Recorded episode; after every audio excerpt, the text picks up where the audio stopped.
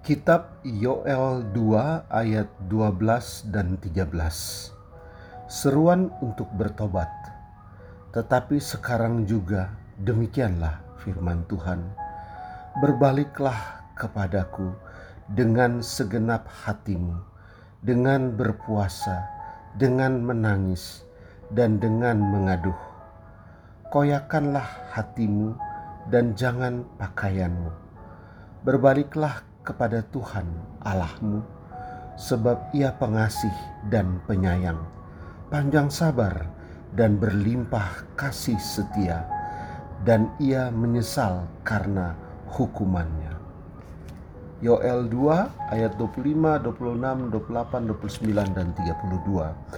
Aku akan memulihkan kepadamu tahun-tahun yang hasilnya dimakan habis oleh belalang pindahan, belalang pelompat, belalang pelahap, dan belalang pengerip.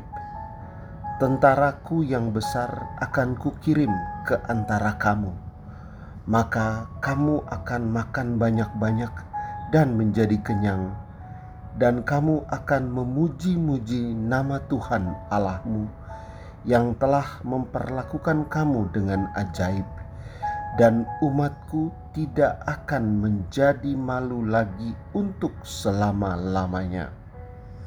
Kemudian daripada itu akan terjadi bahwa aku akan mencurahkan rohku ke atas semua manusia, maka anak-anakmu laki-laki dan perempuan akan bernubuat, orang-orangmu yang tua akan mendapat mimpi, teruna-terunamu akan mendapat penglihatan-penglihatan juga ke atas hamba-hambamu laki-laki dan perempuan akan kucurahkan rohku pada hari-hari itu.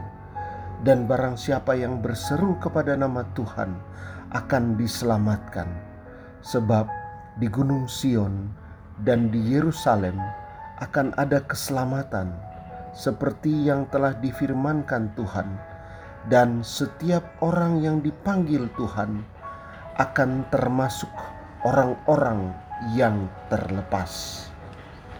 Kitab Mika 5 ayat 8. Kitab Mika 6 ayat 8. Hai manusia, telah diberitahukan kepadamu apa yang baik dan apakah yang dituntut Tuhan daripadamu selain berlaku adil, mencintai kesetiaan, dan hidup dengan rendah hati di hadapan Allahmu?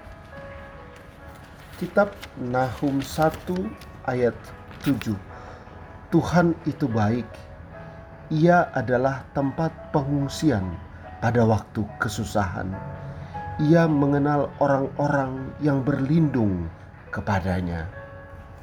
Zevanya 3 ayat 17 Tuhan Allahmu ada di antaramu sebagai pahlawan yang memberi kemenangan.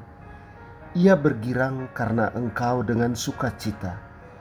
Ia membaharui engkau dalam kasihnya.